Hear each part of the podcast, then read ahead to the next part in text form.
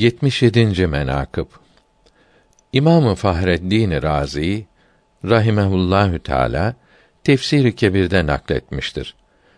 Emirül Müminin Ali radıyallahu teala an Hazretlerinin sevenlerinden birisi bir siyah köleydi.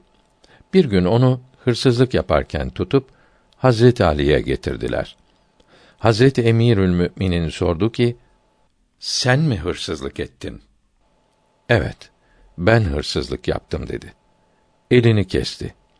O siyah köle Hazreti Emir'in meclisinden çıkıp gitti. Yolda Selman-ı Farisi ve İbn Zekvan'a radıyallahu teala anhuma rastladı. İbn Zekvan o siyah köleye elini kim kesti dedi. Siyahi dedi ki Emirül Müminin kesti. İbn Zekvan dedi: O senin elini kesti. Sen onu met ediyorsun. Dedi ki: Niçin met etmeyeyim ki? Muhakkak elimi hak üzerine kesti ve beni cehennem ateşinden halas eyledi. Selman radıyallahu teâlâ an bu sözü siyah köleden işitip geldi. Ali'ye radıyallahu teâlâ an haber verdi. Hazreti Ali radıyallahu teâlâ an o siyah köleyi çağırdı.